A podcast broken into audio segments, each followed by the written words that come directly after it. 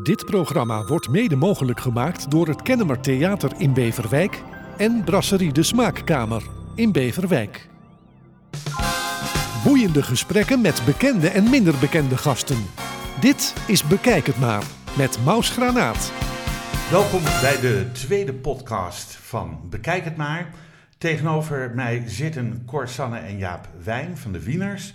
Voor de mensen die jou wat minder goed kennen, Cor, wie is Cor Sanne?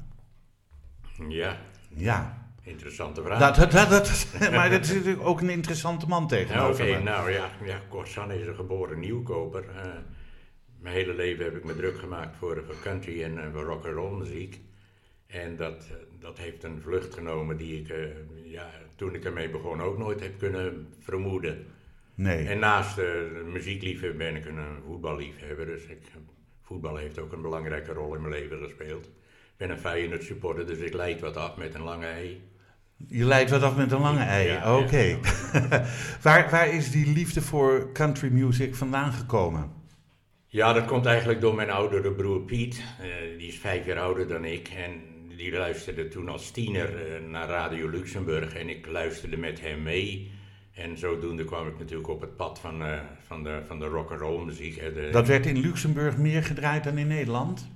Dat werd in, eh, in Nederland werd daar niks aan gedaan in de jaren, begin jaren 50. In, eh, zo rond 55 was er, eh, had je in Nederland had je de Selvera's en William Oh, ja. Betty en Johnny Jordaan en dat soort flauwekul.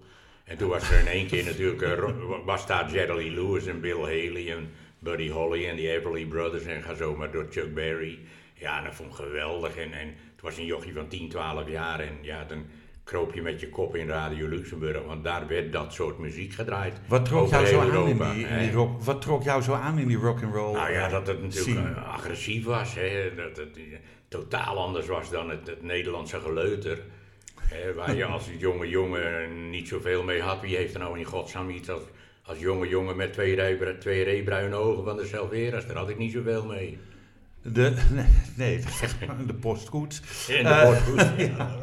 Niet te vergeten. Ehm, de, de, de, de familie waar je uitkomt, was het ook een muzikale familie? Want je zegt, je luisterde met je broer. Ja, mijn vader en moeder hielden zeker wel van muziek, maar niet actief in ieder geval. Maar er stond wel altijd muziek aan. En, en dan inderdaad Johnny Jordaan. Dus ja, en als je dat dan maar genoeg hoort, dan word je als jonge jongen wel, eh, wel, Ja. wel een beetje opstandig. En als ze dan rock'n'roll is, ja, dan is dat je uitvlucht natuurlijk. Wat vonden je ouders van die rock and roll? Geweldig. Oh, die vonden het wel die vonden dat prima. Ze Oh, maakten mooi. wel een bak herrie, zeiden ze altijd, maar eh, ze, vonden, ze vonden het wel prima. Ja, ik, ik, ik heb nooit tegenwerking ge- gekend. Nee. En, en wa- wanneer ben je zelf gitaar gaan spelen? Ook weer door mijn oudere broer, die leerde mij een paar akkoorden. En gek voor verder ben ik niet gekomen ook eigenlijk wat dat betreft. Maar een stuk of drie, vier kan ik er wel aardig Dit, dit is wel heel bescheiden, hè? Nee, maar het is gewoon zo. Het is, het is, maar ja, je kan met vier akkoorden kun je natuurlijk heel veel spelen. Nou, het aardige in country is dat het meestal maar drie of vier akkoorden zijn. Dus ik kan er aardig mee overweg. Goed. Eh, daar komen we zo nog op, want eh, ehm, het was ehm, eh, 19... Nou, nou, country en bluegrass is de muziek waar je het meest thuis in voelt. Of is het Nou, ook de rock and roll? Nou, daar zit niet zoveel verschil in. Ik, eh, ik vind rock, echt aan de early rock and roll, hè, dus de, de, de vroege rock and roll, de, de Buddies en, en de Everlys, dat soort rock and roll, dat, dat staat bij mij ook toch wel gelijk aan Johnny Cash en, en, en ook aan bluegrass. Eh, Dat, dat, eh, ik kan niet zeggen Maar dat één Ravon, meer en bluegrass, dat, is, dat, dat ligt... Ravon van Buddy Holly, dat liedje. Ah, dat ligt ook weer niet zo gek ver van country af natuurlijk. Buddy Holly was natuurlijk een country Ja, hij artiest. was een beetje country, ja, maar ook rock and roll.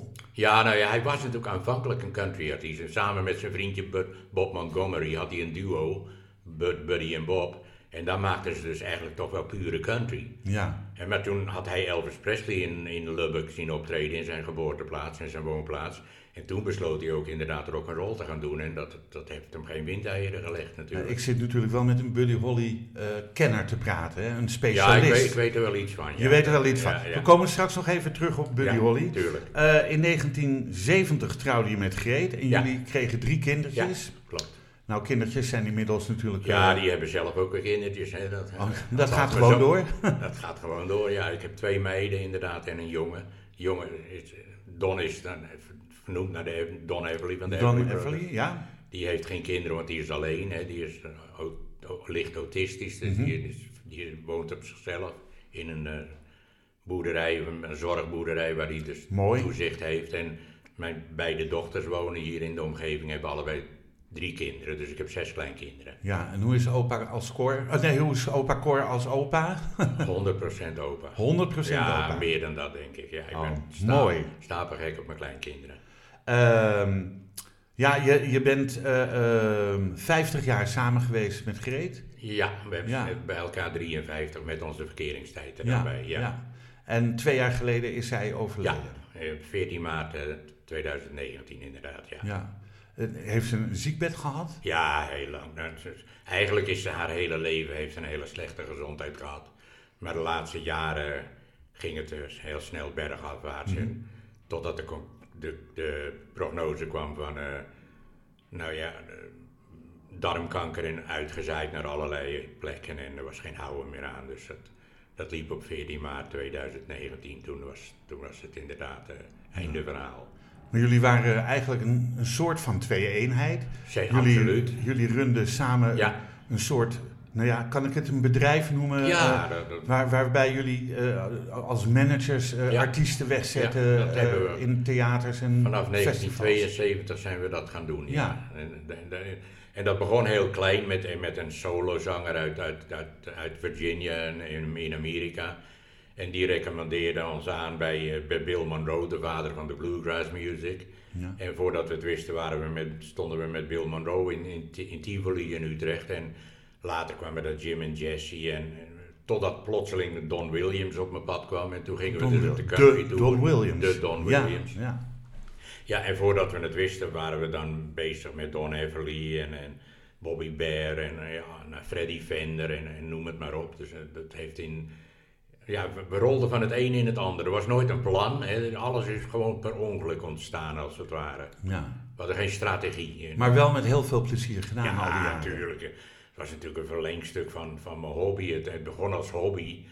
En, en later dacht, kwamen we er wel achter dat we natuurlijk ook best wel wat geld eh, mee konden proberen te gaan verdienen. Ja. En dat is een vallen en opstaan situatie geweest. In 1982 gingen we finaal op, ons op onze plaat, want toen gingen we echt persoonlijk ook failliet.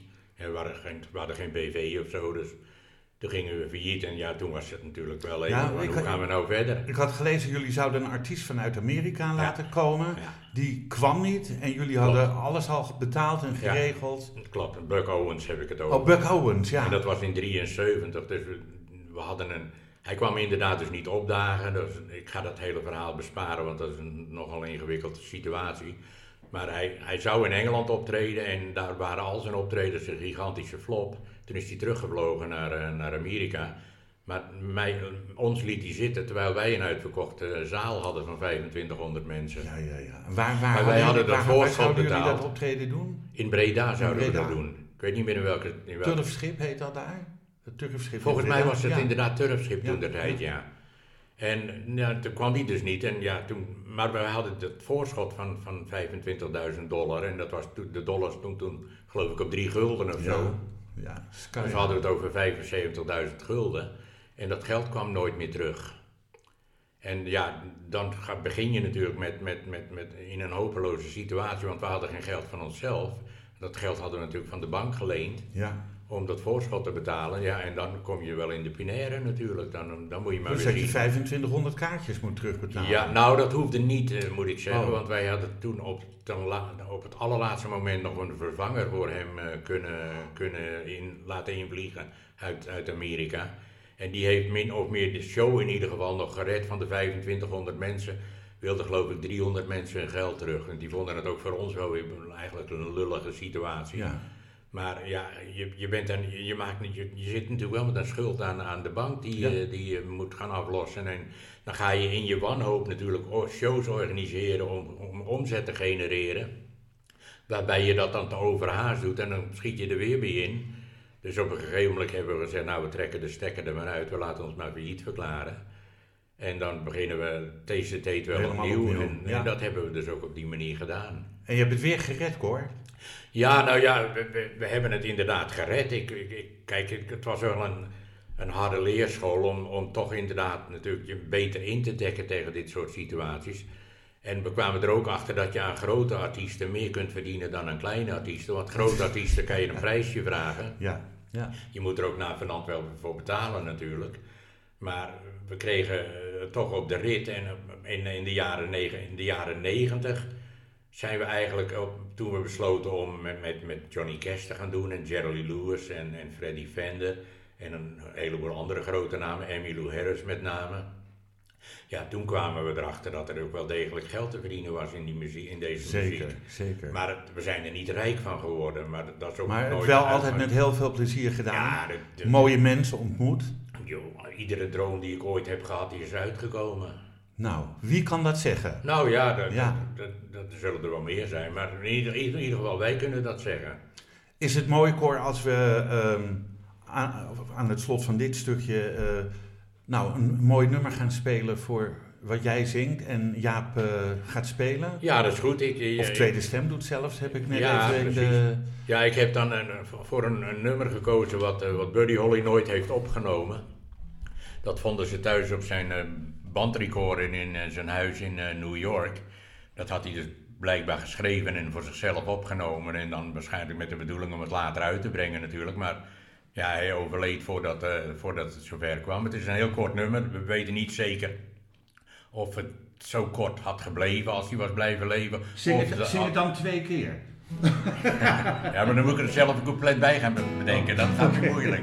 Maar dit liedje, dat, dat, dat heeft hij dus eh, geschreven. En misschien is het de bedoeling geweest om het later af te maken. Niemand zal het ooit weten natuurlijk. Maar het, ja, het is ook een van de favoriete liedjes van, van, van mijn overleden vrouw, van Greet. En daarom eh, vind ik het eigenlijk wel gepast om dat te doen. Dit nummer zit overigens niet in de show. Dat, mm, dat zeg ik er even bij. Maar het is wel een prachtig mooi Buddy Holly nummer. Learning the Game.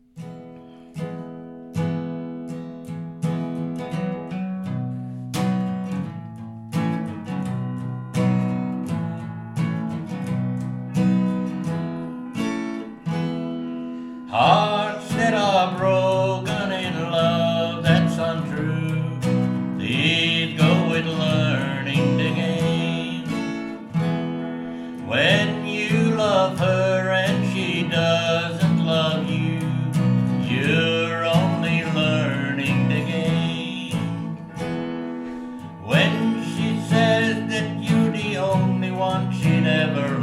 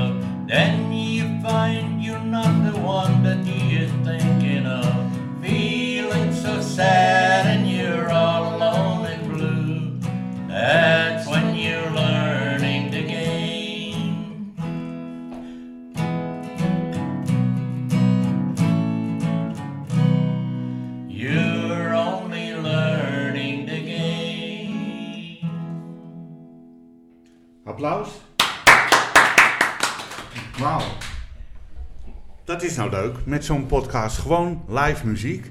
We halen Jaap er zo ook nog eventjes bij. Ja, tuurlijk. Ja, Het nummer van Buddy Holly, je zei het al, eh, Learning the Game.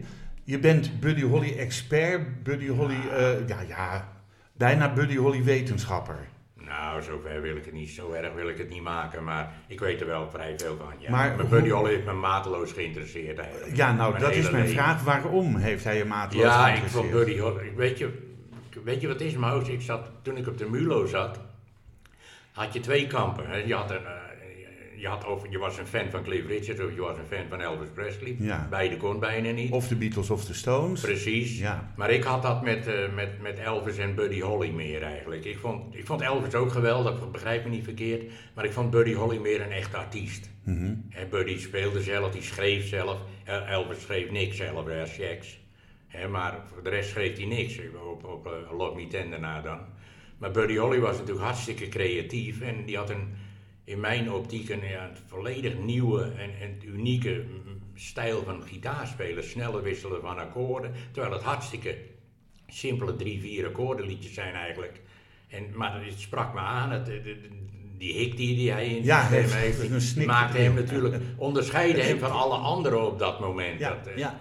En ja, dat, dat is me mijn hele leven blij gebleven. En toen hij verongelukte, ja, dat was de eerste echte grote klap in mijn leven, letterlijk en figuurlijk. Ja. Hij was 26 of zo? 21 21. of 22 jaar was hij nou? Ja, dacht 22. 22 was hij, ja, ja, ja 22. precies. Ja. 7 jaar, hij is natuurlijk op eh, 3 februari 1959 overleden en 7 september eh, 1936 geboren. Ja, dat is Ja. 22. Hij had gewoon, hij had er nog kunnen zijn. Hij had ja, 85 in principe geweest had hij nu. Ja. eigenlijk nog kunnen leven, ja, Ja. inderdaad.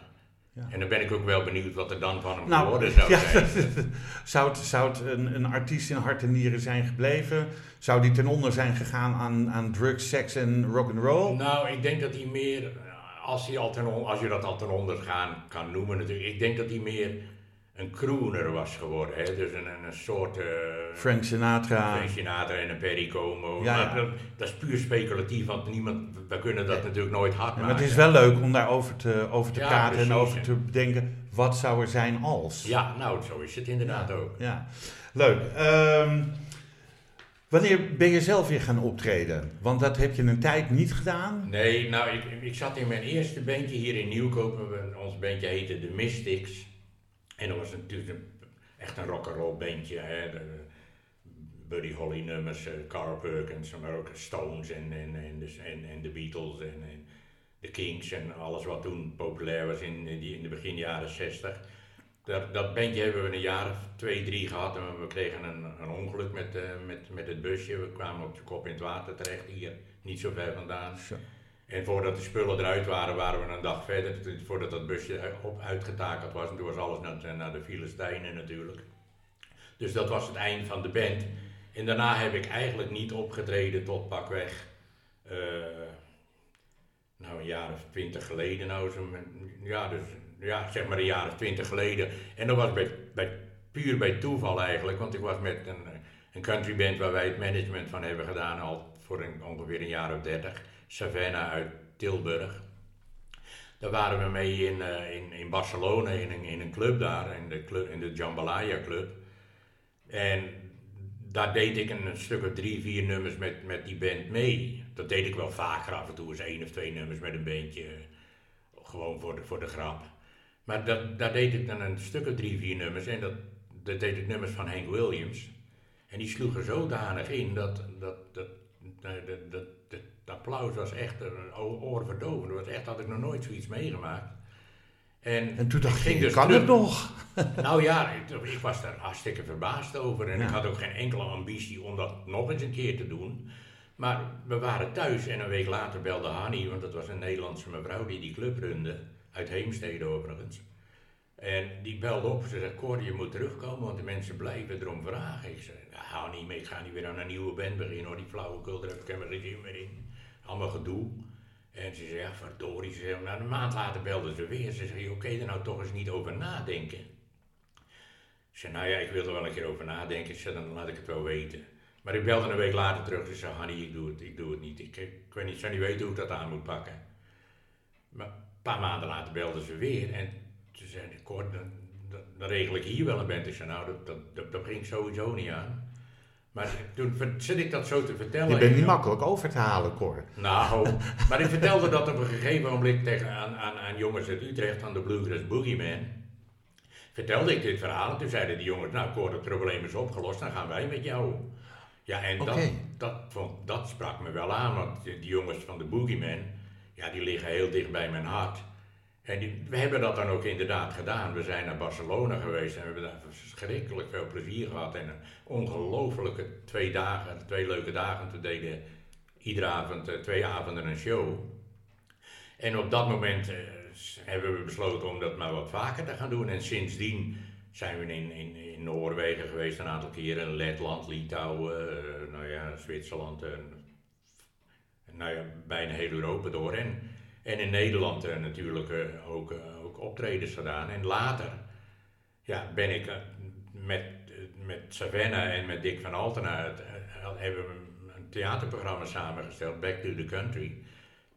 En daar ben ik ook in mee gaan doen, zelf als optredend artiest, als producer en als optredend artiest.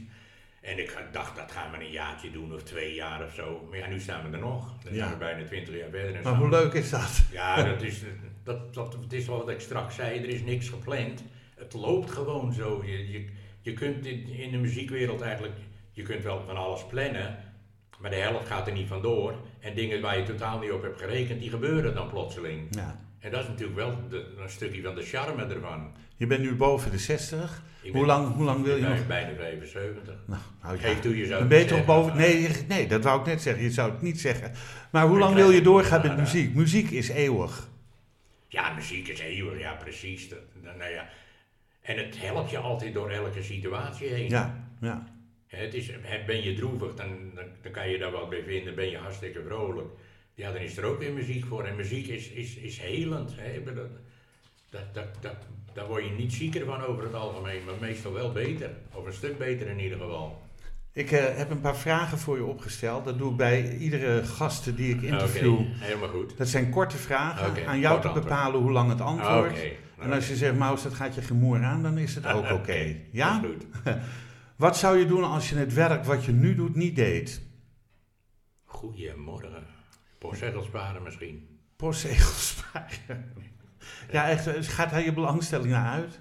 Vroeger wel, ja. Ja. Ik heb een prachtige collectie gehad, ja. ja. Ah, dus- maar, dus- dus maar een grapje hoor, ik zou het niet meer oppikken, denk ik nu. Niemand wil meer postzegels, joh. Dus. Maar goed, je hebt, je hebt er nog hele mooie vierkantjes tussen zitten. hè? ja, dat is waar. Welk compliment dat je ooit kreeg is je altijd bijgebleven? Nou, daar kan ik eigenlijk heel kort over zijn. Dat kwam van Jerry Lewis. Oh, Toch een van de moeilijkste mensen om mee te werken. de man die met de hak van zijn piano, eh, Ja, met de hak Nou, van zijn schoen piano is een speelde. bijzonder ingewikkelde figuur. En, Ja. eh, maar ik, en iedereen, eh, zelfs Mojo, die wilde niet met hem werken. Wij hebben het wel gedaan in de, in de begin jaren negentig. En op Schiphol zei hij, en daar, waar, daar heb ik getuigen ook nog van, die, die leven nog, dus die zouden dat kunnen onder, onderschrijven. Toen legde hij zijn hand op mijn schouder. Hij zegt, you're a, a world-class promoter, son. Want hij zegt altijd zoon tegen iedereen, son. Oh ja, ja. En toen zei zijn gitarist, Kenny Loveless, die zei later van nou Cor, hij zegt dan moet hij je wel heel erg graag gemogen hebben. Want dat zegt hij tegen bijna nooit iemand. Leeft hij nog, Jerry Lee Lewis? Jerry Lewis leeft nog, ja. Ja. Voor, voor zover je dat leven kan noemen, want Ja. hij is echt een hele, hele oude, krakkemikkige man nou. Ja. Maar hij is geloof ik 4 of 85 nou. Ja, ja. Maar dat is een bijzondere ervaring dat vond ik Ja, fantastisch. Maar dat zijn wel mooie dingen om meegemaakt te hebben, toch? Hoor? Zeker. Dat zijn er niet velen die dat kunnen zeggen. Nee, nou zeker niet. Dat ze al die, met al die mensen hebben kunnen werken. Ehm, met welke karaktertrek kun jij een ander tot wanhoop drijven? Zeg het zo, sorry. Dat, Met welke karaktertrek kun jij een ander tot wanhoop drijven? Of moet ik dat aan Joke vragen? nee, zegt ze. Ze schudt nee. Ja, dat, poeh. Nou, Op tijd komen, Cor. hè? Op tijd komen. Op tijd komen. Ja, ja, dat, Ja. is- ja, ja, ja, ja, dat is wel een van de dingen waar ik op sta, dat mensen op tijd komen. Ik, ik zal zelf nooit ergens één minuut te laat komen, dat komt bijna nooit voor. Nee. En dat verwacht ik eigenlijk ook van een ander, maar daar kan je je lelijk in vergissen. Maar ja, wij waren er op tijd, hè? Ja, fantastisch. Oké. Ehm, wat, wat is voor jou het meest emotionele moment uit je leven?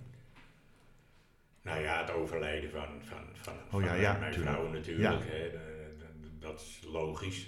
Eh, ja, de, de geboorte van je kinderen, de, dat zijn de standaard antwoorden. De geboorte van, mijn- van mijn eerste kleinkind en later natuurlijk alle de anderen ook. Maar de, ja, dat is toch, dat is toch wel uniek eigenlijk, hè, dat je, je jezelf weer terugziet in, je, in, in de kinderen van je kinderen. Ja, dat is heel dat, mooi. Dat blijft iets wat je moet hebben meegemaakt om het eigenlijk te kunnen beoordelen.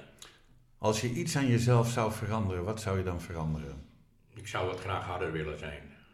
Zelf mentaal wat harder zijn. Nou, mentaal zit het wel goed, maar ik ben niet zakelijk hard of zo.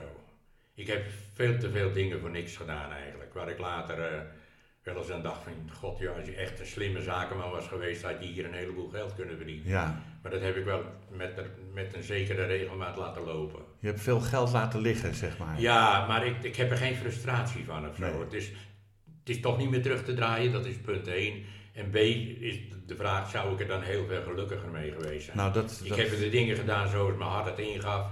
En daar kijk ik toch met een zekere voldoening op terug. als je achterom kijkt, dan zie je toch een hele mooie weg eigenlijk die je gewandeld hebt. Ik heb een prachtig leven toch eigenlijk Ja. Ehm, wat is je grootste onzekerheid? Dat ik nooit ergens zeker van ben. Dat is heel onzeker. Dat is behoorlijk onzeker. Ja. Ik, bedoel, ik blijf altijd twijfelen overal over. Ook als ik moet optreden, ik heb het honderd, misschien nou eh, drie of vierhonderd keer in de theaters gedaan. En gisterenmiddag heb ik nog even een gastoptreden bij de Hillbilly Boogie Man gedaan. En die moment dat ik op moet, Giert het door je lijf. nou, gieren niet, maar ik ben wel verdomde onrustig. Laat dat niet merken aan het publiek, want ik kan er wel mee omgaan. Maar ik, dat, dat had ik vroeger ook toen ik nog voetbalde. Dan was je toch voor die wedstrijd. Verdomme, dat wachten, laat het nou maar beginnen, weet je wel. Dat, dat, dat, dat onrustige gevoel. Ja. Dat, dat maar zou ik denk dat dat kwijt artiest willen. eigen is. Ik denk dat heel veel artiesten dat hebben. Ja, nou, ik- voordat ze op moeten. Of dat ze denken, laat het maar beginnen, want dan, dan is de kop nou, Ik eraf. heb daar een heel gesprek met Johnny Cash over gehad. Die ik vroeg aan hem van, heb jij nou nog last van, van, van, van hè, bühnevrees? Ja, ja. Qua woord natuurlijk. Hij zei, nou ja, hij zegt, ik, ik ben wel onrustig. Hij zegt, ik wil een kwartier van tevoren ook liever niet meer aangesproken worden door mensen. Dus hij, dan zondert hij zich een beetje af eigenlijk. Ja, En dan doet hij het wel. Hij zegt, het is toch iedere keer weer welk publiek zit er, eh, hoe gaan ze me beoordelen, kom ik goed genoeg over. Hij zegt, die onzekerheid blijft altijd aan me knagen. En ja, dus en dan ga ik er maar vanuit dat, dat, dat hij en ik niet de enige zullen zijn die dat hebben. Maar er zijn mensen die lopen met een enorm gemak podium op, alsof het hun tweede wieg is als het ware. Maar dat, dat gevoel heb ik nooit. Ik blijf toch altijd een beetje onzeker op dat punt. als je morgenochtend wakker wordt en je hebt er een nieuw talent bij, wat voor talent moet dat zijn? Nou, iemand die in ieder geval echt country zingt, niet die, niet die pop country. Dat, dat, daar word ik helemaal. Nee, jij, jouw, jouw talent. Als, Oh, mijn- mijn Ja, talent. als jij er een nieuw talent bij zou hebben, wat voor talent zou dat dan moeten zijn? Oeh. Ja, dat is. Nee, dat, dat, dat, dat, dat kan niet, daar kan ik toch niet echt een antwoord op bedenken. Dat- Er is niet iets wat je graag zou willen of kunnen. Nee, ik. Nee, ik. ik, ik nee, ik, daar heb ik niet. Ik, ik kan, nee, daar kan ik niets bij bedenken. Volgens mij heb je ook een andere gedachte erover. Of niet? Ik zag je wijzen. Wat, wat heeft Joke? Ja, Joke, vertel het maar. Zeg het maar. Dat je goed kan schilderen, Ja. ja, we zijn het huis aan het opknappen. Oh, ook gewoon oh, zo schilderen. Joke doet Ja. al het schilderwerk en daar, Oh. kan ik, daar kan ik dus ook helemaal niks Maar dat zou je wel willen kunnen? Nou, ik vind het eigenlijk wel mooi dat zij het kan hier. Ja, dat vind ik ook zo- gewoon zo later. Maar. Ja, geweldig. Ehm, welk tv-programma mag van jou per direct van de buis? Alles waar Gordon in zit, Gordon in zit, Dat is duidelijk. dat moet verbannen worden. En waarom? Wat, eh, Nou, ik vind het een, een, een notoren aandacht trekken waar ik helemaal de, de, de hik van krijg. Dat, eh, geen aardige man ook. Ik vind het een, een, een beroepsgierder. Een, een- een lachen om het lachen. En het is niet gemeend. Daar heb ik niks mee. ehm, Oké, hoe ziet jouw leven eruit over vijf jaar? Dan word je 80. Dan word ik 80 als ik het haal, inderdaad. Eh, Nou, dan hoop ik dat het toch nog een, eh, ongeveer zo is als het nu is. Ik, zolang het mijn gezondheid het toelaat, zal ik dit gevreugel wel blijven doen, denk ik. Ja, Ook het Wat spelen- Misschien wat gedoseerder, maar Ja. maar ik ben al aan het doseren gegaan hoor, de laatste jaren. Want je kan natuurlijk niet eeuwig hetzelfde tempo volhouden. Bovendien zijn we door het corona in een gedwongen rustsituatie terechtgekomen. Zeker. Maar over vijf jaar zou ik nog wel graag toch zo hier en daar nog af en toe eens eh, me, me er tegenaan bemoeien met die countrymuziek. Wat is jouw guilty pleasure? Guilty pleasure. Nee, dat- dat zou ik ook niet weten. Daar kan ik echt niks bij bedenken. Nee? Nou, dat, dat- Geef eens een voorbeeld. Nou ja, eh, je hebt bijvoorbeeld iemand die graag met zijn benen op de bank een zak chips voor de tv zit leeg te eten. Of Oh. heel stiekem naar goede tijden zit te kijken, wat eigenlijk Ja. een flutprogramma is, zoals ik dat doe dan. Ja. En eh, bijvoorbeeld, dat, zijn van die guilty pleasures. Ja, Die, eh, ja, ja, nou. Ja, er komt toch wat. Ik zie het. Ik zie je ogen gaan twinkelen. Ja. René de Blanc, eh. Wat zeg je, Joke? René de Blanc. René Jo, René Leblanc. Oh. Wat, Ja. is er, wat is er met die man? Ja, Die nou, hele beroemde man in Nederland. Ja, precies, ja, ja. Ja, Hij is gelukkig redelijk vol van zichzelf. Dat Ja, dat, stuk, eh, hè, dat eh, ja, is te zien ja, in nee, ik heb niet echt een guilty pleasure, geloof ik. Nee? Nee, nee, nee, niet echt. Oké. Ehm, is er een bepaalde kunstvorm die jou het meest raakt? In de muziek bedoel je? Überhaupt, eh, muziek is een kunstvorm, schilderen is een kunstvorm, beeldhouden, ballet, het maakt niet uit. Nee, nee, ik, nee, ik vind, ik, ik heb een mateloze respect voor mensen die echt heel goed muziek kunnen maken. Hè. Ik bedoel, in mijn omgeving, eh, de mensen waar ik dan in Nederland mee gewerkt heb, dat vind ik toch allemaal wel de betere artiesten. De groep Savannah is een hele goede countrygroep gewoon, hè. De- wat moderner, maar het is gewoon een hele goede, solide groep waar hele serieuze mensen in zitten. Ik ben helemaal kapot van de Wieners. Dat zeg ik niet omdat Jaap er nou bij is, maar dat is gewoon zo. Hele integere muzikanten. En, en, en de Bluegrass Boogeyman, ja. Dat, We halen hem er zo even bij, hè? Eh, ja, eh, ja eh, Jaap in ieder geval. Ehm, wat, is, ehm, nou, wa- wa- wat is iets wat je gelukkig maakt?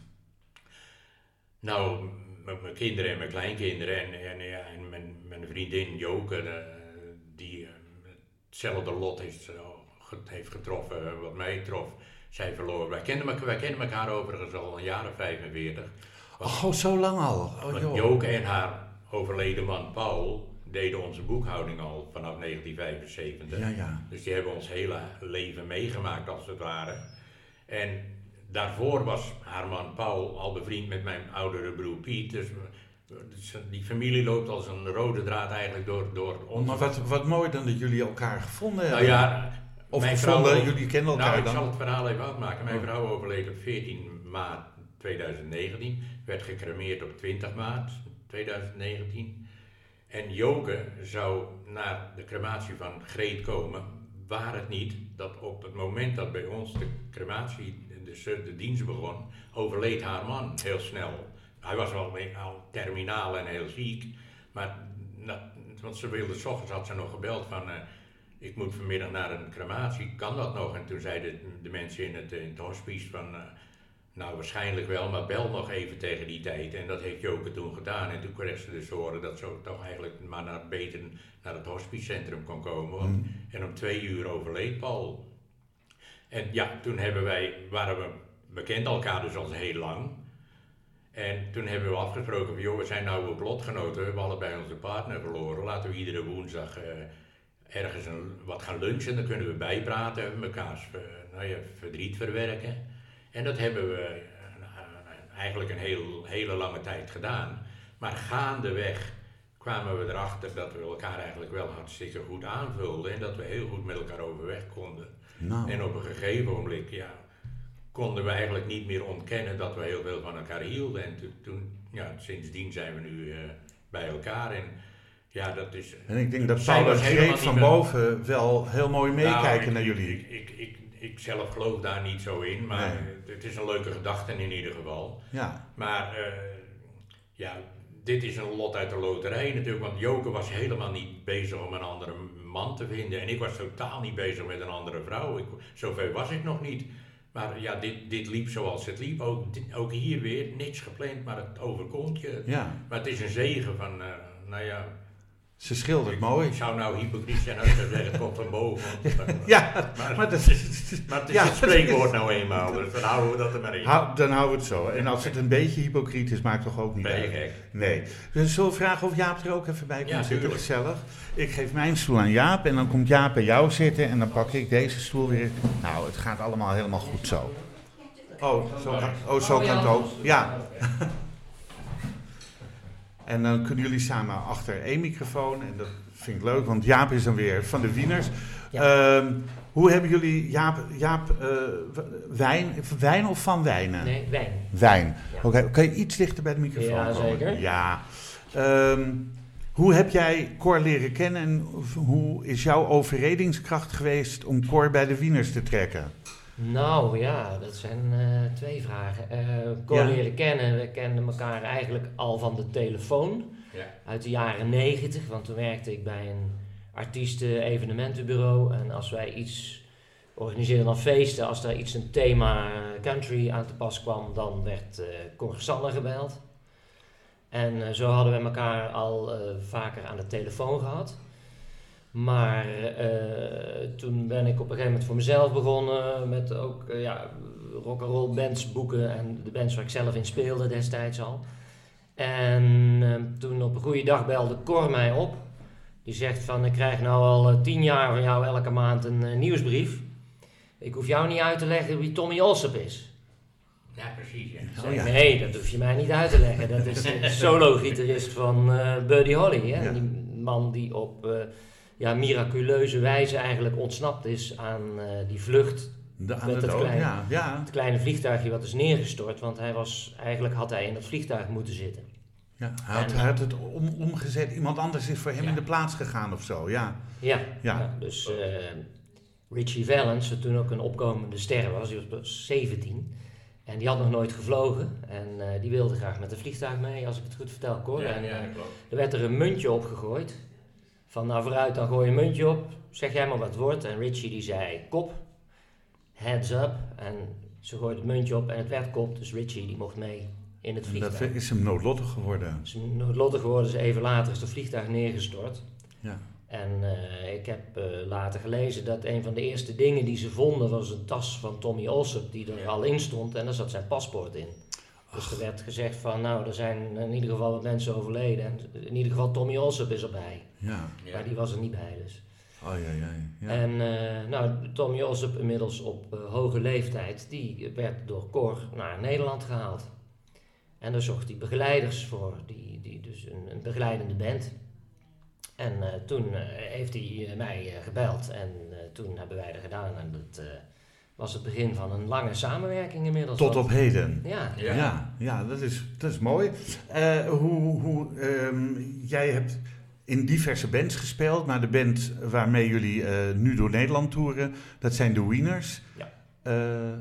Kun je vertellen hoe jullie aan de naam de Wieners zijn gekomen en hoe jullie bij elkaar zijn gekomen? Want waarom lach je nou? Ja, ja, het is natuurlijk een hele rare naam voor een rock'n'roll band. Want we zijn eigenlijk echt 50s rock'n'roll band. Ja. En het heeft meerdere uh, betekenissen. Dus uh, de, de Wieners, dat zijn de knakworsten die in een hotdog zitten. En als je in, in een diner komt in Amerika, of denk maar aan Happy Days, die serie, daar staan van die hotdogmachines. Ja, dat klopt. Die Ja. worsten die ronddraaien en er staat dan boven Wieners. Weet je. Dus wij dachten dat iedereen dat wel zou begrijpen, maar... eh, dat, begreep hem nee, ook niet. niemand.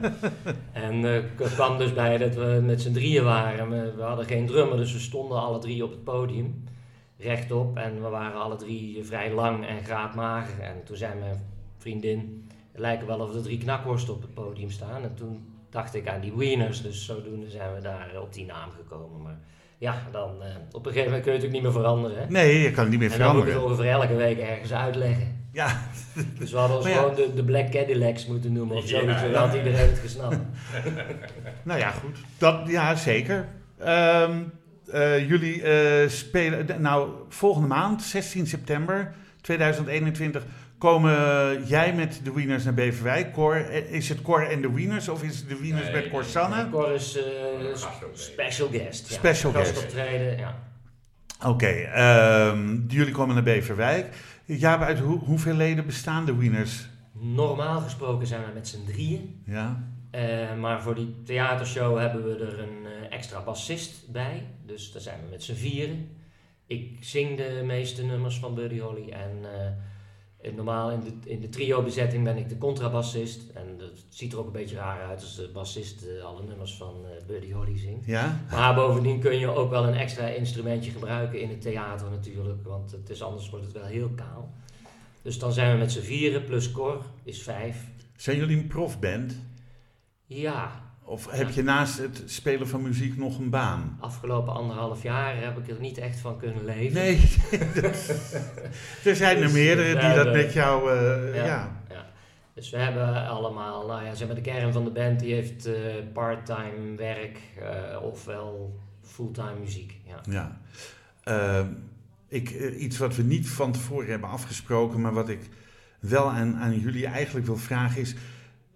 Kunnen jullie een nummertje van Buddy Holly gewoon even zo lekker akoestisch? Of Ja, dat iets wat jullie allebei kennen? Jawel, dat, dat moet vast wel lukken. Zeker als er een Buddy Holly expert aan tafel zit. Ja, Misschien is het leuk om dan wat dingetjes te laten horen, want de mensen zeggen misschien, Buddy Holly, die, eh, die, waar, kennen we die van? Dat we even een paar korte stukjes van eh, dat liedjes doen, dat een soort medleytje. die iedereen doet, die Ja. iedereen kent. Ja. ja. Dat is natuurlijk een hele bekende. Daar is helemaal alleen de driftje al, ja. Knew Peggy Sue, then you know why I feel blue without Peggy. My Peggy Sue. Oh, I love you, gal, yes, I love you, Peggy Sue. Ja, en nog eentje. Ja, ik dacht er komt een soort medleytje. Ja, Ja, ja. niks voorbereid natuurlijk. Nee, nee, nee, nee maar Ravon of... de- Ravon? Ja, Nee, Well, the little things they do make me want to be with you. I do. Rave on, crazy feeling, and I know it got me reeling when you say I love you.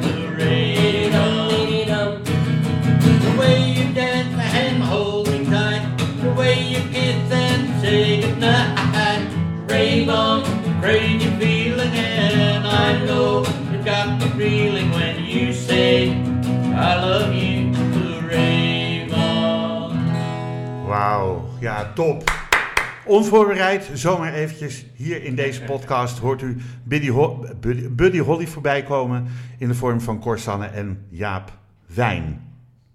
Zeg ik het nou goed? Ja. Ja, oké. Ehm, jullie hebben ehm, al ook de, de Dutch Country Music Award gewonnen. Zeg ik dat goed? Ja, dat klopt. Ja? Dat was op zich voor ons als de Wieners eh, vrij eh, apart, omdat we meer een rock'n'roll band eh, zijn. Maar Ja. Cor die heeft volgens mij een hele zolder vol, vol staan Ja. met die awards. Ik heb er maar één hoor. Oh, nou ja, goed, maar je hebt er wel een. Ja, ik heb er een, ik weet niet, een stuk of twintig of zo, denk ik. Ik weet niet. een stuk of Ze hangen boven een kantoorje, maar dan gaan we zo maar even kijken. Ja, is goed, gaan we kijken. Ik kan ze meenemen, want ik doe er niks mee. Nee, maar je moet wel wat gedaan hebben om hem te verdienen. En dat, dat, dan ga ik weer pronken met andermans veren. Dat is ook niet eh, eh, de bedoeling. Eh, Jaap, trekken jullie door het hele land met deze Ja. Buddy Holly show? Ja, Hoeveel, zeker. hoeveel shows staan er gepland nu na Er staan- corona en het allemaal weer een beetje mag? Ja, er staan er eh, vanaf eh, september eh, ongeveer 20 eh, gepland door het hele land. Van eh, ja, noord naar zuid, eh, van Limburg tot Groningen tot, nou ja, noem maar op. Ja. Oh, dat is mooi. Ehm, waar haal je het plezier vandaan om eh, deze muziek van de jaren 50, 60 nog te zingen en te spelen? Ja, ik vind het eh, nog altijd eh, de mooiste muziek die er is. En eh, het is ook heel erg leuk om mensen daarmee in, eh, in, in aanraking te brengen. Ja. Eh, oudere mensen die zeggen, die komen na afloop naar je toe en die zeggen, nou, ik, was, weer- ik voelde me weer helemaal jong. En eh, die zeggen, Ja, dat- van, goh, eh, ik heb dit vroeger altijd met mijn man eh, geluisterd, eh, die er niet meer is. En Ja. ik ben zo ontroerd.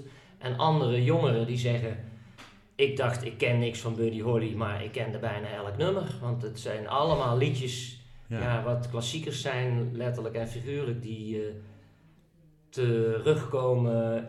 Zitten er ook veel, jongeren in de zaal even goed? Nou, ik moet eerlijk zeggen, de gemiddelde leeftijd is eh, iets hoger dan bij een eh rapartiest, denk Ja, ik. ja, ja, oké. ja, dat is een paar jaar. Ehm, zijn er, zijn er ehm, dingen die jullie zelf nog kwijt willen? Jullie komen 16 september, ik heb het net gezegd, in het Kennemer Theater in Beverwijk. En ik hoop, dat, ik hoop dat het gewoon weer een volle bak is voor zover mogelijk binnen Ja. de coronamaatregelen. Ja. Maar zijn er dingen die jullie zelf kwijt vinden of waar ik het niet over gehad heb? Nee, eh, ze moeten gewoon allemaal komen. Hartstikke leuk. We vertellen eigenlijk tussen de, tussen de liedjes door eh, eh, oh, ja, de, de geschiedenis van Buddy Holly. En Cor, ja, zoals je weet en hebt gemerkt, die weet daar alles van. Ja, Dus die vertelt over eh, de jonge jaren, de allerjongste jaren van Buddy Holly. ja hij was maar 21, Ja, 22. hij is maar Ja, 22 geworden. Hij heeft maar drie jaar plaatjes gemaakt. En eh, ja. Ja. daar zijn al die eh, eh, klassiekers uit voortgekomen. Nou, dan wil ik jullie allebei enorm bedanken voor de deelname aan deze podcast. Graag En wens ik jullie heel veel succes. En deze podcast is mede tot stand gekomen door medewerking van het Kennemer Theater in Beverwijk en uitgegeven door de Vrijstraat Roots. Dank jullie wel en graag tot de volgende podcast. Dankjewel. Dit programma werd mede mogelijk gemaakt door het Kennemer Theater in Beverwijk en Brasserie de Smaakkamer in Beverwijk.